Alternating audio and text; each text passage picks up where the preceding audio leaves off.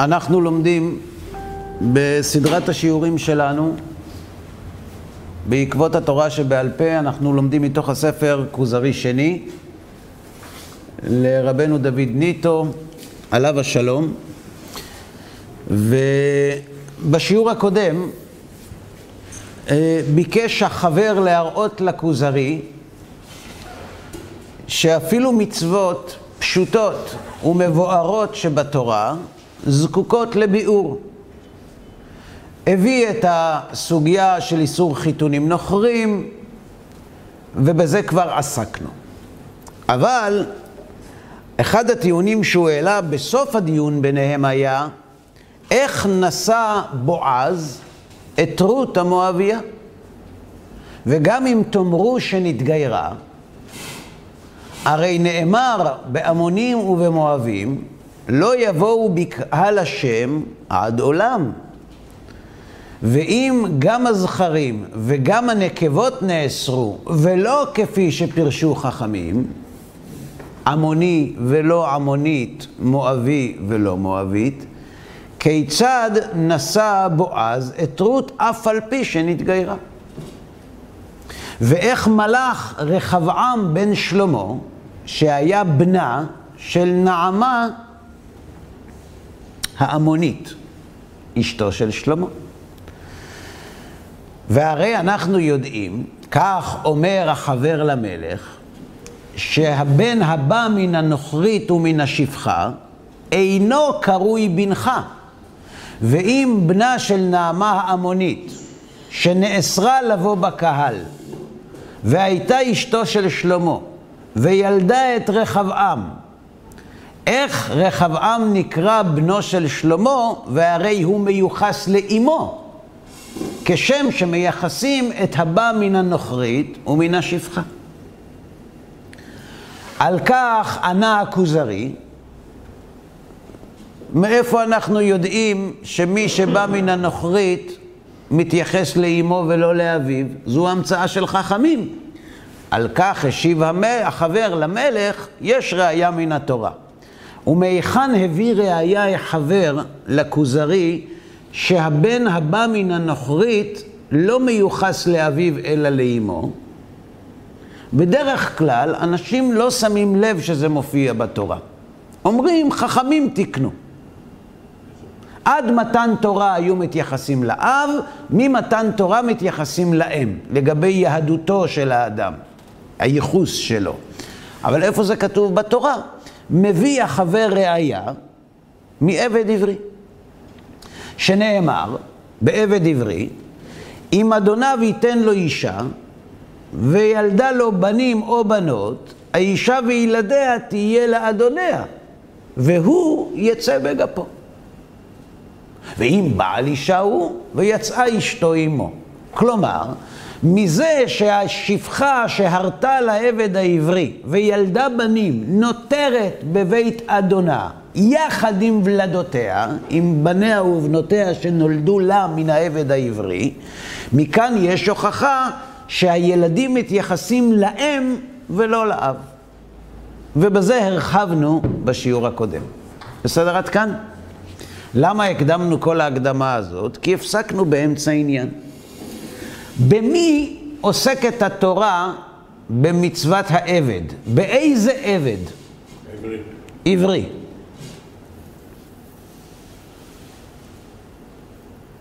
מי זה עבד עברי? מאיזה עם הוא? יש עבד כנעני ויש עבד יהודי. מה זה עברי? למה נאמר עברי? העברי או העברייה? למה לא כתוב הישראלי או הישראלית? ויצא בן האיש, בן אישה ישראלית, והוא בן איש מצרי, כך כתוב בפרשה. אז בן אישה, לא עברייה, אלא ישראלית. מכאן מבקשים לטעון חלק מן הקראים ובאי כוחם, שעברי זה לא יהודי. ואם עברי זה לא יהודי, אי אפשר להביא ראייה מעבד עברי שבן הנולד משפחה כנענית לעבד עברי הוא יהודי. בטח שהוא לא יהודי, כי גם העבד העברי הוא לא יהודי. האם הטיעון מובן? כן. מובן? בואו נקרא אותו בפנים.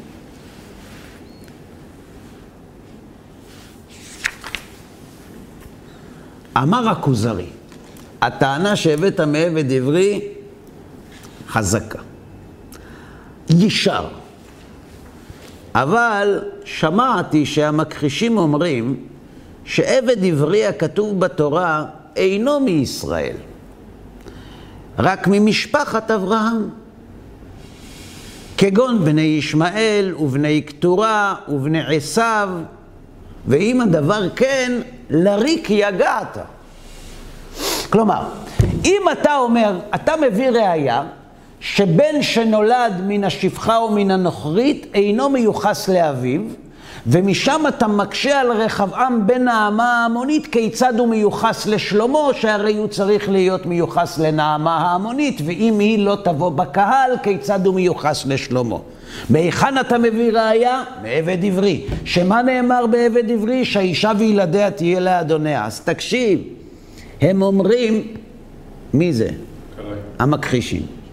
הם אומרים שהעבד העברי, כי תקנה, כתוב ככה בפסוק, כי תקנה עבד עברי, שש שנים יעבוד, ובשביעית יצא לחופשי חינם.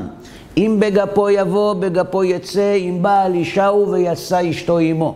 ואם אדוניו ייתן לו אישה, וילדה לו בנים או בנות, האישה וילדיה תהיה לאדוניה, והוא יצא בגפו. על מי זה נאמר? על כי תקנה איזה עבד? עברי. אתם הרבנים אומרים שעבד עברי זה יהודי, אבל זה לא נכון. עבריים הם כל אלה המיוחסים למי? לבני עבר. שאברהם היה חלק מהם.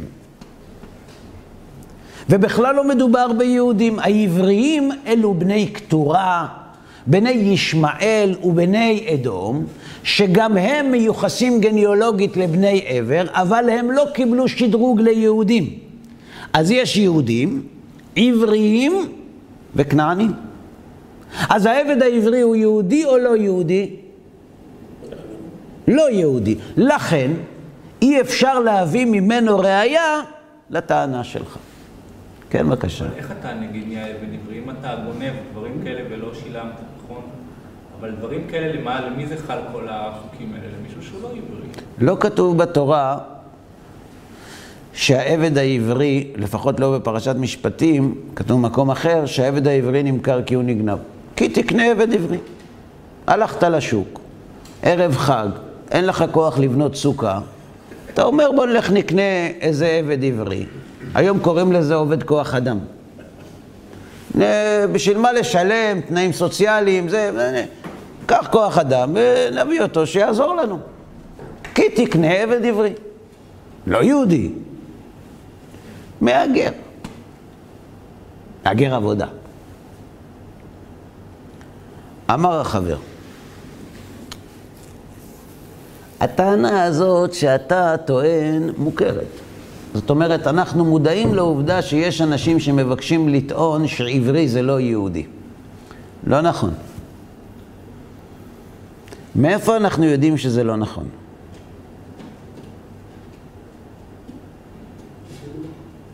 זה כתוב במפורש. זה כתוב במפורש. יוסף זה לפני מתן תורה. עברי אנוכי.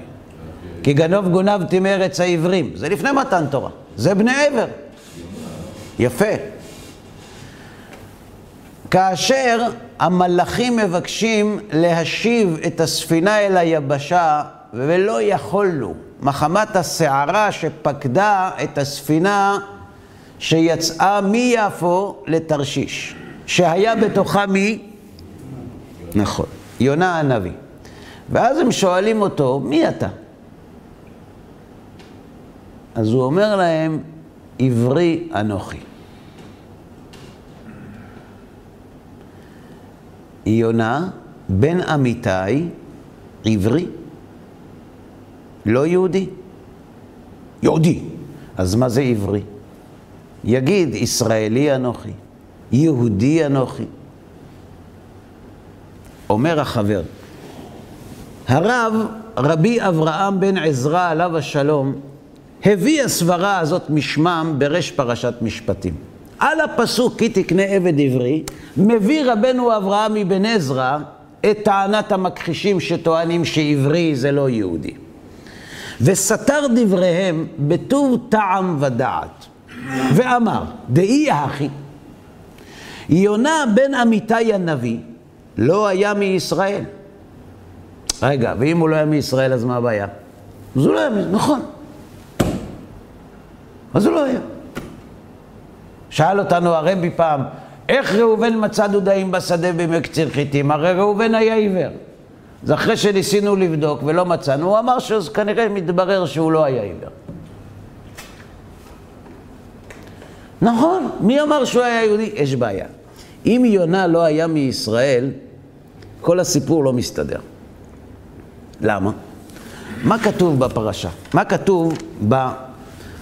בנביא, ביונה, שאנחנו נקרא בעזרת השם יתברך במנחה של יום הכיפורים?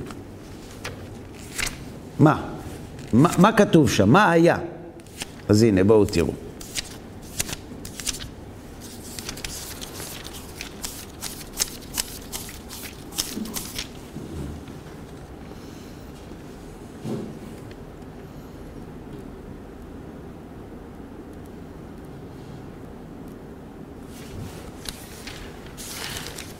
ויהי דבר השם אל יונה בן אמיתי לאמור.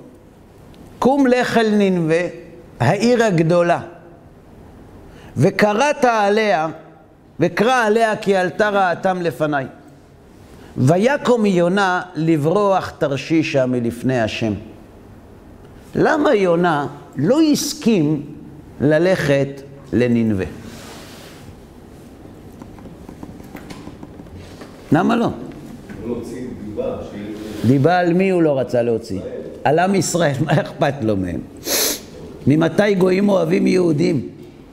אם יונה היה עברי ולא יהודי, למה שלא ילך לננבה ויוכיח אותם? חז"ל אומרים שכיוון שהוא היה מישראל, והקדוש ברוך הוא אמר לו ללכת להוכיח את אנשי ננבה, והוא ידע והעריך שהם יקבלו את תוכחתו, וזה יהיה קטרוג גדול על עם ישראל, שהנה אומות העולם כששולחים להם נביא מתקנים דרכיהם, ואילו עם השם, עם הבחירה ששולחים לו נביאים, לא מתקן את דרכיו.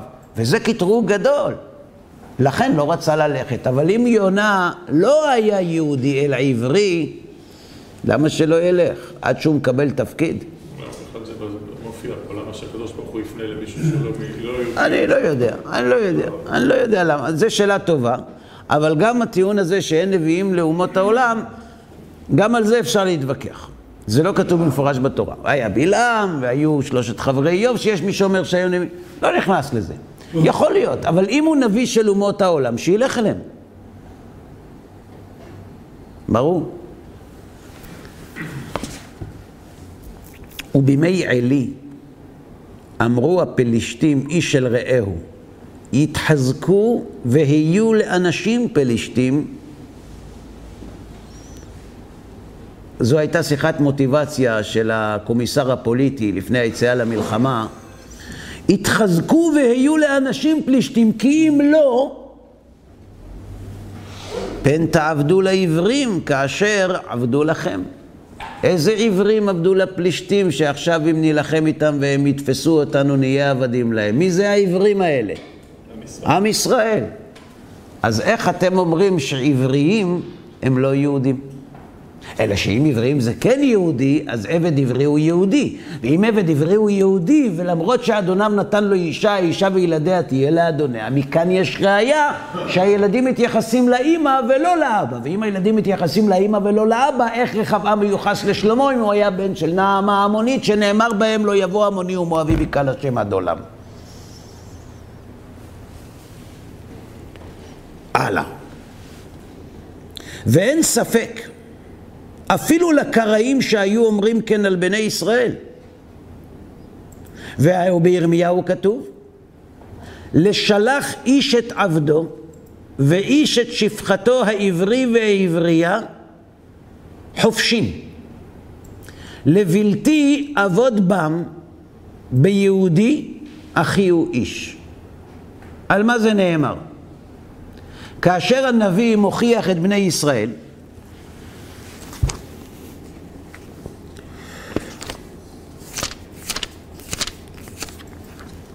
הוא אומר להם כך: הדבר אשר היה אל ירמיהו מאת השם, אחרי קרות המלך צדקיהו ברית את כל העם אשר בירושלים לקרוא להם דרור, מה היה הדבר? מה השם ציווה את ירמיהו לומר למי? לעם ישראל. לשלח איש את עבדו, ואיש את שפחתו העברי והעברייה חופשים, לבלתי אבוד בם ביהודי, אחי הוא איש. תרגמו לי. לבלתי אבוד בם ביהודי, אחי הוא איש. פירוש? שחררו את העבדים העבריים והשפחות העבריות, שלא יעבדו יהודים איש באחיו. אני קורא שוב, שלא תגידו שאני עיגלתי פינות, לבלתי אבוד בם ביהודי, אחי הוא איש.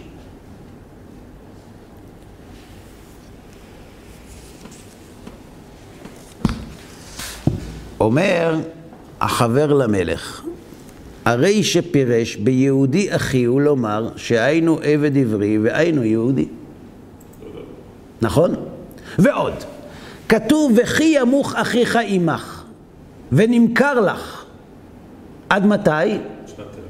עד שנת היובל יעבוד עמך, נכון? זאת אומרת, אם אח שלך פשט רגל וזקוק להתפרנס, והוא רוצה למכור עצמו לעבד, עד מתי הוא עובד בך? אצלך? עד שנת היובל. ובעבד עברי מה כתוב? כי תקנה עבד עברי, שש שנים יעבוד. כאן יש שאלה מעניינת. אם עברי הוא לא יהודי, אלא מבני קטורה, אז אם אתה קונה עבד שהוא לא אחיך, כיוון שהוא לא אחיך, הוא עובד רק שש שנים. אבל אם הוא אחיך, עד, עד היובל. כן, היום זה קצת... אה, זה קצת מסתדר, אבל, אבל, אבל בעבר לא היה נהוג כך, כן? ואם עבד עברי הוא מבני ישמעאל וקטורה ואדום, נמצא שיפה כוחו מהעבד הישראלי, שהרי העברי אינו עובד אלא שש שנים, והישראלי אפשר שיעבוד ארבעים ותשע שנים, אם הוא נמכר בשנה ראשונה ליובל. ועוד שאמר הקדוש ברוך הוא, כי עבדיי הם, אשר הוצאתי אותם מארץ מצרים, לא ימכרו ממכרת עבד. על מה זה נאמר? על מי זה נאמר? על עבד עברי. כי עבדיי הם. וחז"ל אומרים, ולא עבדים לעבדים. אבל כי תקנה עבד עברי, איך מסתדר? כי תקנה עבד עברי ולא ימכרו אתה רוצה את זה מבפנים? אני צריך לחפש לך את זה בפנים. מקווה שנמצא. כמה שנים אתה יהודי? שש או ארבעים ותשע? שש. לא, העברי שש. מה זה הכוונה ליובל? היובל זה ישראלי, אחיך. אחיך זה יכול להיות... אחיך.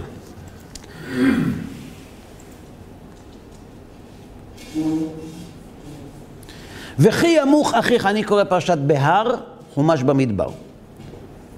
סליחה, חומש ויקרא. וכי ימוך אחיך ונמכר לך. במי מדובר?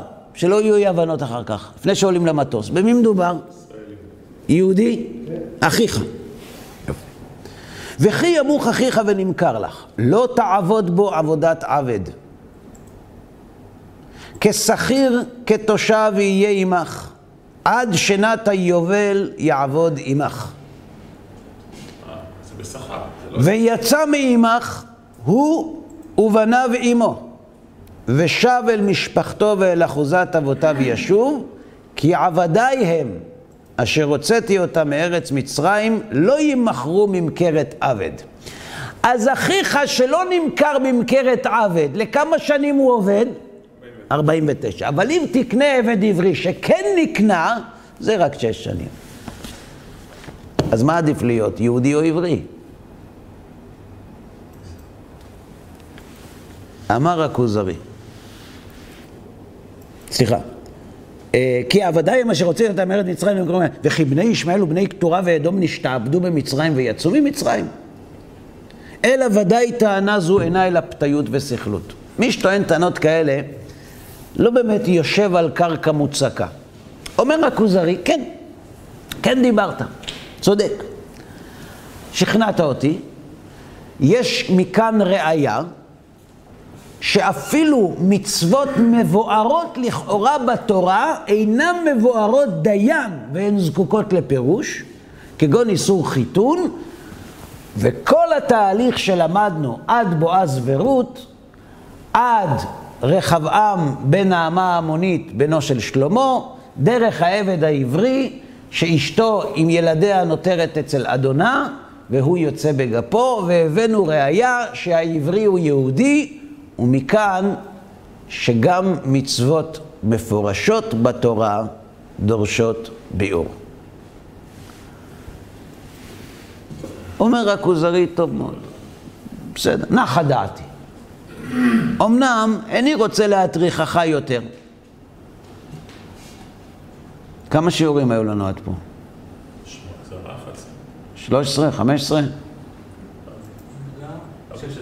16 שיעורים. באמת, היום הגעת, 16 שיעורים זה המון.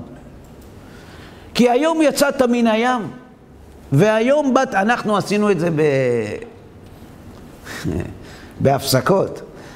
היום באת לעיר ואתה עייף ויגע, ובכן לך ותנוח במלון אשר הוכן לך עמי במחיצתי, ושלחתי מחר ולקחתיך משם, ואתה תאכל לחם על שולחני כל ימי היותך עמנו.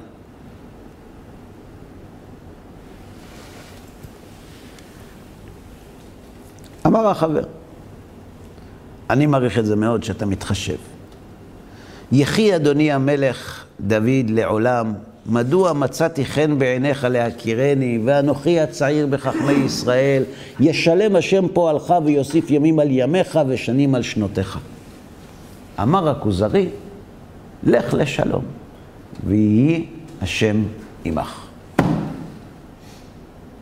עד כאן הוויכוח הראשון. במה עסקנו בוויכוח הזה? נתון מספר אחד.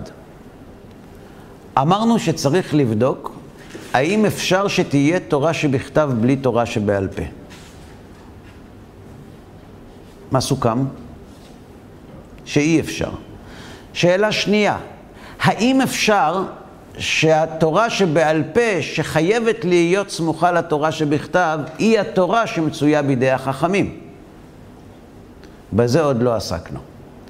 עסקנו רק בטענה של הקראים שמודים במקצת הטענה הראשונה ובמקצת הטענה השנייה. כלומר, הם מסכימים שיש חלק מן המצוות שזקוקות לביאור, אבל רק חלק, ואנחנו הראינו שלא רק חלק, אלא אפילו מצוות מבוארות כביכול דיין זקוקות לביאור, כי הן עומדות בסתירה לדברים שכתובים במקומות אחרים. באשר למקצת הטענה השנייה, שחלק מן המסורת שיש בחז"ל היא אכן התורה שבעל פה, בזה עוד לא עסקנו לגמרי. בסדר?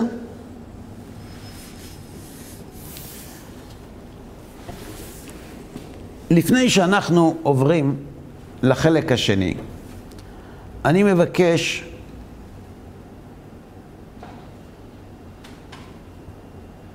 לחזור ולעסוק מעט בטיעונים שונים שאנשים מעלים כנגד אמיתותה של התורה שבכתב. ואני מבקש להסביר למה אנחנו שווים לעסוק בזה. הרבה מאוד יוצא לשמוע, אני מאמין שגם לכם, גם לי, אנשים שיש להם טיעונים שאי אפשר להתעלם מהם, שמערערים על אמינות המסורה ועל הקביעה שהתורה שלנו, שקיבלנו מהבורא יתברך ויתעלה, שהיא תורה משמיים. ומעלים כל מיני טיעונים. זה לקח הרבה זמן, ולך תדע, ואולי מצאו בדרך, ומישהו כתב, ואנשים היו פרימיטיביים, וכל מיני טיעונים שאתה לא יכול לפסול אותם. גם אם אתה לא מקבל אותם, אתה צריך להשאיר, כי אם אתה לא משיב עליהם ופותר אותם, אה, כופרים, הם מדברים שטויות, הם לא רציניים. זה משכנע אולי אותך, בטח שלא משכנע את אלה שמבקשים ראייה.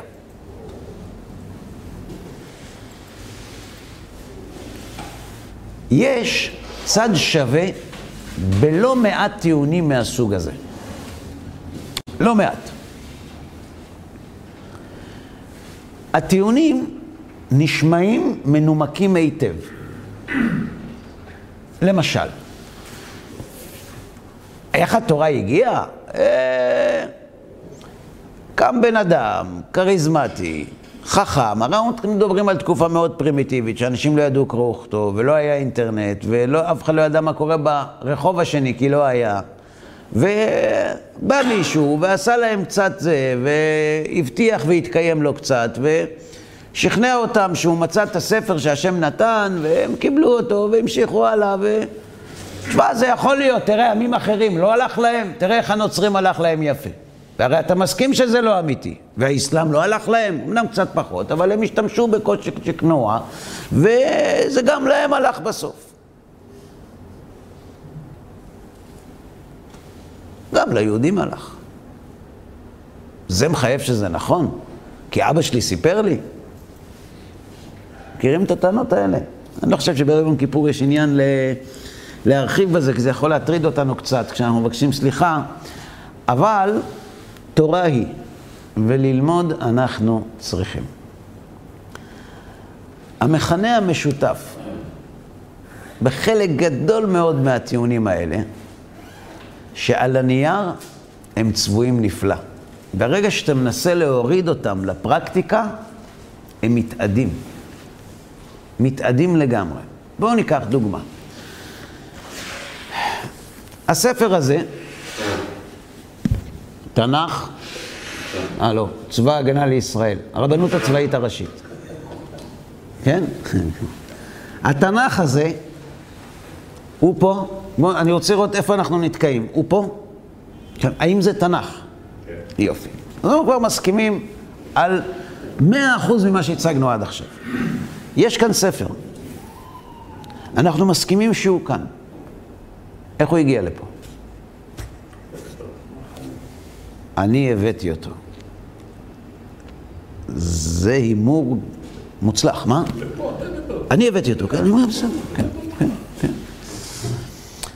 ומאיפה אני הבאתי אותו? לא מהאבות שלי. אבי מורי לא מגיע ביום שני. מהבית הבאתי אותו, מהבית. ואיך הוא הגיע אליי הביתה? מהדפוס. מהצבא, סליחה. ואיך זה הגיע לצבא? מהדפוס. ואיך זה הגיע לדפוס? מ... מדפוס קודם. ואיך זה הגיע לדפוס הקודם? פה יש מחלוקת. פה יש מחלוקת. זאת אומרת, אין מחלוקת שיש כאן ספר. הוויכוח הוא על הורתו ולידתו של הספר הזה. בסדר? יש, עד כמה שאני מכיר, שלוש אפשרויות בלבד. אפשרות אחת, לא לפי סדר, אפשרות אחת, כתוב, ויאמר השם אל משה, הנה אנוכי בא אליך באב הענן בעבור ישמעם בדברי עמך וגם בך יאמינו לעולם. וילך משה ואלו נכונים שלושת ימים והגבלת את העם ולא תיגע בו יד וירד משה על ההר ויקדש את העם ויאמר אל העם יהיו נכונים לשלושת ימים כי ביום השלישי מה יקרה? וירד השם על הר סיני ויקרא השם למשה ויאמר השם למשה רד העד בעם פן יהרסו וגם הכהנים ניגשו ויאמר משה לא יוכל העם ויאמר השם לך רד ועלית אתה ואהרון והעם על ירסו לעלות וירד משה אל העם ויאמר עליהם וידבר אלוהים את כל הדברים האלה לאמור. אנוכי השם אלוהיך, אשר הוצאתיך מארץ מצרים, לא יהיה לך אלוהים אחרים על פניי, וכולי. לא חייבים לקבל. על אפשרות. אפשרות. רחוקה, אבל אפשרות. אפשר לפסול אותה. שהסיפור אמיתי. אפשרות. אפשרות שנייה.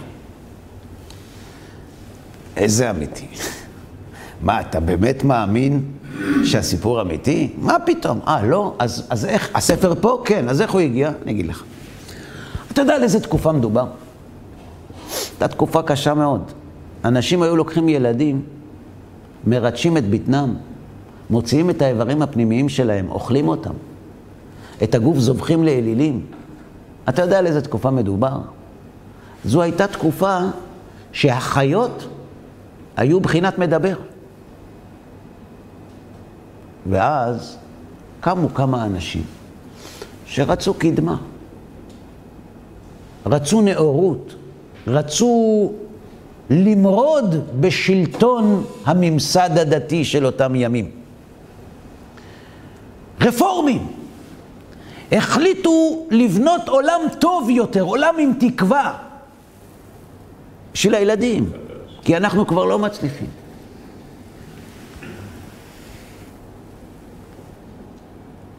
אבל הם היו חכמים. הם הבינו שעוד מאותו דבר לא ימכור. היו צריכים להמציא משהו חדש. משהו שהוא יותר חזק ממה שמחייב את האנשים לשרוף את הילדים שלהם. אז אם מה שמחייב לשרוף את הילדים זה האלילים, אז אנחנו נמציא את אלוהי האלוהים ואדוני האדונים, שהוא ייתן לנו את התורה. ואז אנחנו נגיד לילדים, שישאלו אותנו למה אנחנו לא שורפים אותם. נגיד להם, אנחנו לא, לא שורפים אתכם. למה? השם אמר. מתי השם אמר? זהו. אז פה מתחילה הבעיה. לכן התכנסה קבוצה של אנשים, שבאמת הייתה להם כוונה טובה. לאותם ימים זו הייתה התקדמות עצומה. אתם יודעים מה זה להגיד לא תגנוב ולא תרצח ולא תנאף והשיב את הגזלה וכי ימוך אחיך והחזקת בו ועזוב תעזוב עמו. אלו מצוות נאורות לאותם ימים אפלים. תכנסו, שתו לחיים כדרך יהודים והחליטו לייסד דת חדשה. מרגע זה, אנחנו כתבנו את הספר, אנחנו הולכים לילדים, ואנחנו אומרים להם שאת הספר הזה, אלוהים נתן לנו. אז בואו נקבע, תזכרו את התאריך, תזכרו את היום, את השעה, את כל התיאורים של האירועים, תקראו טוב את הספר, שלא יהיו גרסאות סותרות. שלא יהיו גרסאות סותרות.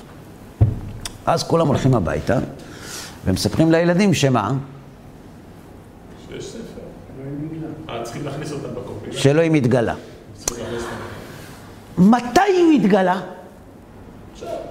עכשיו. היום. יפה.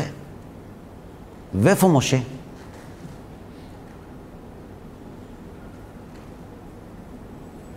הוא הלך. מה זאת אומרת הוא הלך? כתוב כאן שמשה מוריד את התורה. מי זה משה? אנחנו לא מכירים אותו. חוץ מזה, כתוב בתורה שמשה מת, ואנחנו עוד במדבר, אז זה לא מסתדר. חוץ מזה, אבא, אפשר טיפה מן? ולמה אם קנתה לי אתמול בגדים בקניון? הרי כתוב, 40 שנה שמלתך לא בלטה מעליך ורגלך לא בצקה. וחוץ מזה, אבא, אני אף פעם לא ידעתי שיש לנו כל כך הרבה משפחה. 600 אלף איש? אנחנו בכפר כולה 50. והכפר לא במדבר סיני, הוא בגליל. אבא, איפה קנית את הכדור? נכון, בתזה הזו, מתי זה נכתב? בזמן אמת, בזמן אמת של מה? של האירוע. של מתן תורה? הדור הראשון שממציא את מעמד הר סיני ואומר לילדים שהוא חווה אותו. במדבר. אני לא יודע איפה. תיאוריית הקנוניה עוסקת באנשים שאומרים לילדים שלהם שהם היו באירוע. כי כתוב בפסוק, כי לא את בניכם אשר לא ראו ואשר לא שמעו את מוסר השם אלוהיכם, כי עיניכם הרואות. כן, אבל יכול להיות תיאוריה שמישהו בתקופה מאוחרת כתב על משהו שלא אתה. אנחנו הורגים טורקי ונחים. כיוון שארדואן לא שומע, אני יכול להתבטא בחופשיות. אה? יש שיחות. בעזרת השם. שיחות זה טוב. אני בכל אופן יושב על כיסא נמוך.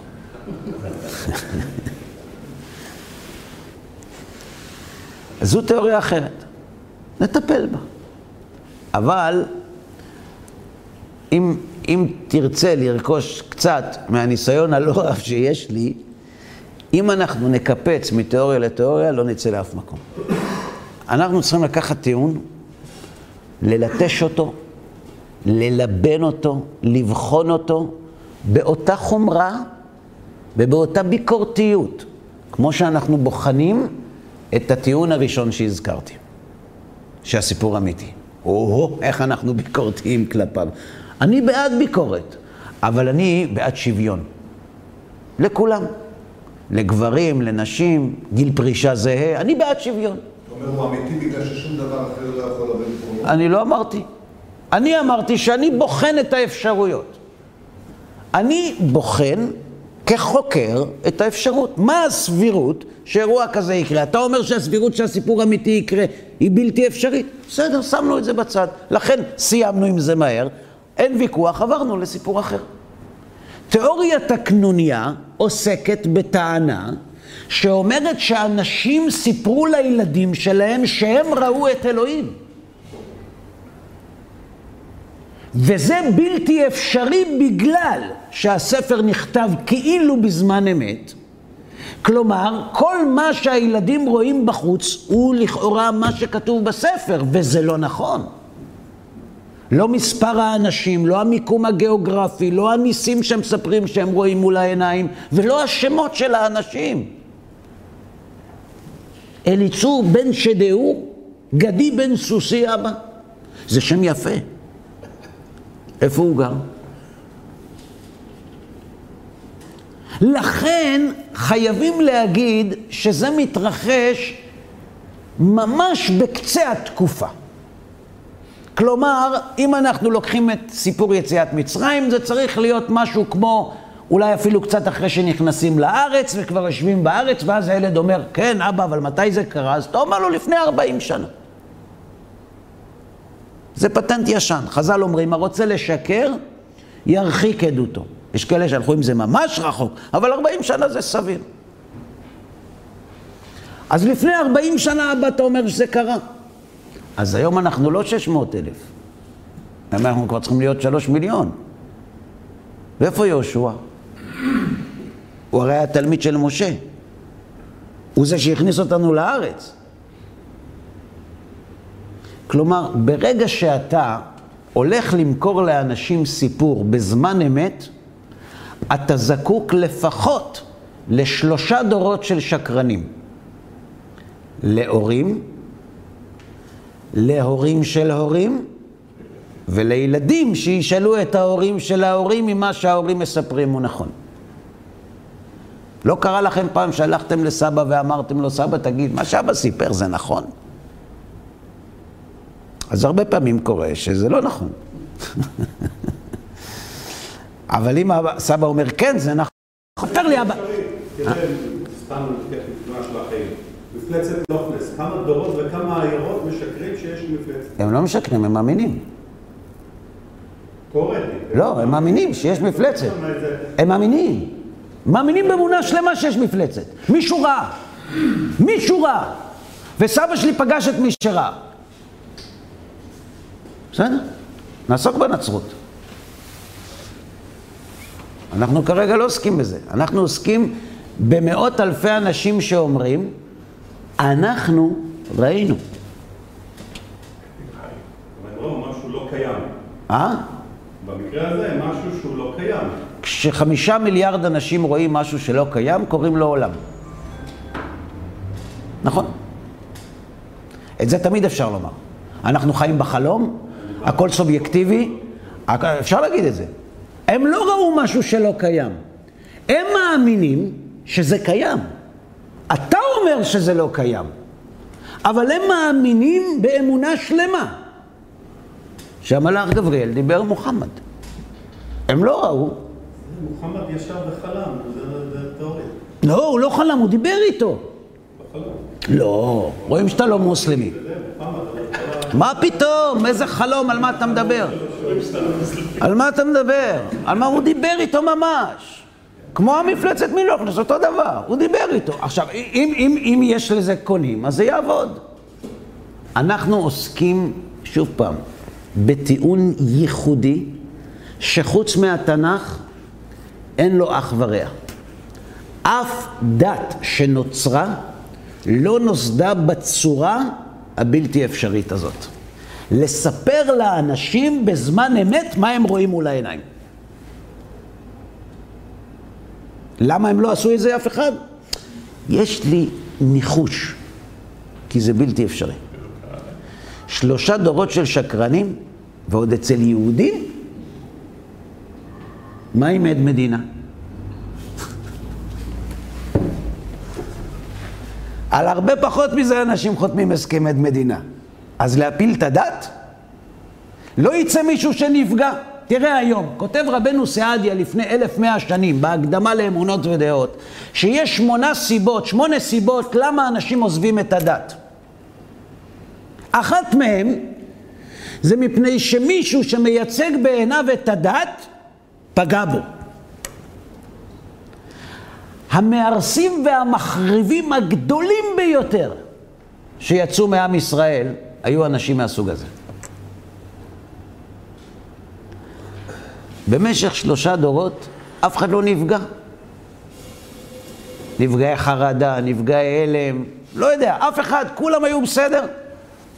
יכול להיות תיאוריה שאף אחד לא בחן את זה, את הספר הזה שנכתב אחרי שלושה דורות, מישהו התייחס אליו כסתם ספר. של סופר, ואחרי עשר דורות, רגע, רגע. לקחו את הספר הזה, רגע, איזה בן אדם רגע, שקם בסדר. בבוקר אמר, זה התורה? אנחנו, אנחנו נטפל בתיאוריה שאתה שב ומעלה, בסדר גמור, אני מבין. אני גם רוצה להסביר למה אתה מעלה אותה שוב, ותתקן אותי אם אני טועה. אני עכשיו חושב את המחשבה שלך, אתה תעצור אותי איפה שאני טועה. איך שאהרון מצייר את זה, זה באמת בלתי אפשרי, אבל יש אפשרות אחרת, יותר הגיונית. לפני שאנחנו עוברים לאפשרות היותר הגיונית, אני רוצה קודם כל לשים בצד את מה שלא הגיוני. נטפל בחריפות בטיעון שאתה מעלה, כי הוא הטיעון הכי מאיים משאר הטיעונים. כי שאר הטיעונים, הרי לא לחינם אנשים לא רגילים לטעון את הטיעון המפוקפק שאני מעלה בפניכם. רובם מעדיפים דווקא את הטיעון שאתה מציג, ואני אציג אותו בהרחבה. בעזרת השם. למה? כי זה בלתי אפשרי. שלושה דורות של שקרנים שמנחילים לילדים שלהם מצוות שמתים עליהם, ואז האבא והאימא, כך כתוב בפסוק, כי אלה איש בן צורר ומורה. נכון? ותפסו בו אביו ואמו, ולקחו אותו אל זקני עירו ולשאר מקומו. ואמרו, בננו זה סורר ומורה איננו שומע בקולנו זלל וסובב, ותפסו בו אנשי וסקלו אותו באבנים ומתו, ויערת רע מקרבך, וכל ישראל ישמעו ויראו. אתם עכשיו מבינים למה חז"ל אומרים בן סורר ומורה לא היה ולא עתיד להיות? אני אגיד לכם למה. כי כשיביאו אותו לבית משפט והם יגידו לו, בננו זה לשופטים, בננו זה סורר ומורה, הוא יגיד להם, אני. אני בן סורר ומורה. בגילו עשיתי דברים יותר גרועים. אני יכול לתת לכם את הצופן. מספרים שהיה פעם אחד שהיה חייב כסף למישהו, ולא היה לו להחזיר. אז הוא הולך חבר שלו, אומר לו, תגיד, מה אני עושה? הוא אומר, תראה, אני אגיד לך הכי פשוט. תגיד לו, אין לי, יש לי, אין לי, יש לי, הוא לא יעזוב אותך. תעשה את עצמך משוגע. תיקח את הכריות, תקרע אותם, תעיף תפוח, תאכל אותו, ת, ת, תגיד קולות של אינדיאנים, והוא יעזוב אותך. הוא יגיד, שמע, בן אדם משתגע, מסכן, אה, הלך עליו. וזה עבד. אחרי שנה הוא ביקש מהחבר הזה שיעץ לו את העצה הלוואה. הוא בא, אומר לו, מה עם הכסף? הוא אומר לו, חכה רגע, הולך, מביא פוך, קורע אותו, מתחיל לצעוק. הוא אומר לו, תגיד לי, מה אתה צוחק עליי? זה סטארט-אפ שלי, אבא, אמא, על מה בן סורר הוא מורה? אני הייתי בשקר שלכם, אתם באים למכור לי אותו, ואתם עוד רוצים להרוג אותי על זה? זה לא מתחיל בכלל. לכן אולי חז"ל אמרו, בן סורר ומורה לא היה ולא עתיד להיות. כי אם תיאוריית הקנוניה נכונה, איך אפשר, לא רק בן סורר ומורה, שום איסור, כל העושה בו מלאכה. וימצאו איש מקושש עצים ביום השבת, לא ידעו מה יעשה לו, תחכו, נשאל את אלוהים. אומר לו צלופך, תעשה טובה. אני צמא, אפשר ללכת הביתה? את, ה, את ההצגה הזאת נעשה בהזדמנות אחרת? על איזה אלוה אתה מדבר? מה זה לא פורש מה יעשה לו? אני הייתי שותף לניסוח כל העשו במלאכה יומת, מה אתה מבלבל? זה לא עובד, זה לא מתחיל אפילו. שמתם לב איך טענה שעל פניה נשמעת לא רע. שמע, אנשים ישבו, רצו עולם יותר טוב, המציאו, זה נפלא. ברגע שאתה מנסה להוריד את זה לפרקטיקה, לא שזה לא מחזיק מים, זה לא, זה איננו. זה אפילו לא הבל, כי הבל רואים. הוא אמנם דבר שאין בו ממש, אבל רואים אותו. זה אפילו לא הבל. זה ריק מתוכן. זו טענה ילדותית שאפילו ילדים מתביישים לספר אותה בתור אגדה. לכן, רוב האנשים משתמשים בטיעון השני. תיאוריית ההנחתה. מה זו הנחתה? אנשים מבינים שאתה לא יכול להנחית ספר לאנשים בזמן אמת. כי הבעיה כאן זה העדות, הזמן אמת. לכן הם משתמשים בשיטה הזאת. שמע, ועכשיו, איך זה קורה, זה, זה כבר עניין לסופרים ול, ולמדע בדיוני, אבל בגדול בא בן אדם ומספר שהוא מצא ספר. והוא מצליח לשכנע את כולם שזה הספר שלהם, וכולם מקבלים את זה, כי הם מאמינים למפלצת מלוכנס, נכון? וממשיכים את זה הלאה, ממשיכים את זה הלאה, ואז מיליון אנשים אומרים לך, שמע, יש דבר כזה. נכון זה מה שאמרת? בערך, כאילו, ממאה השערים, לא מלוכנס, אבל לא משנה. הנצרות. נצרות, או לא משנה.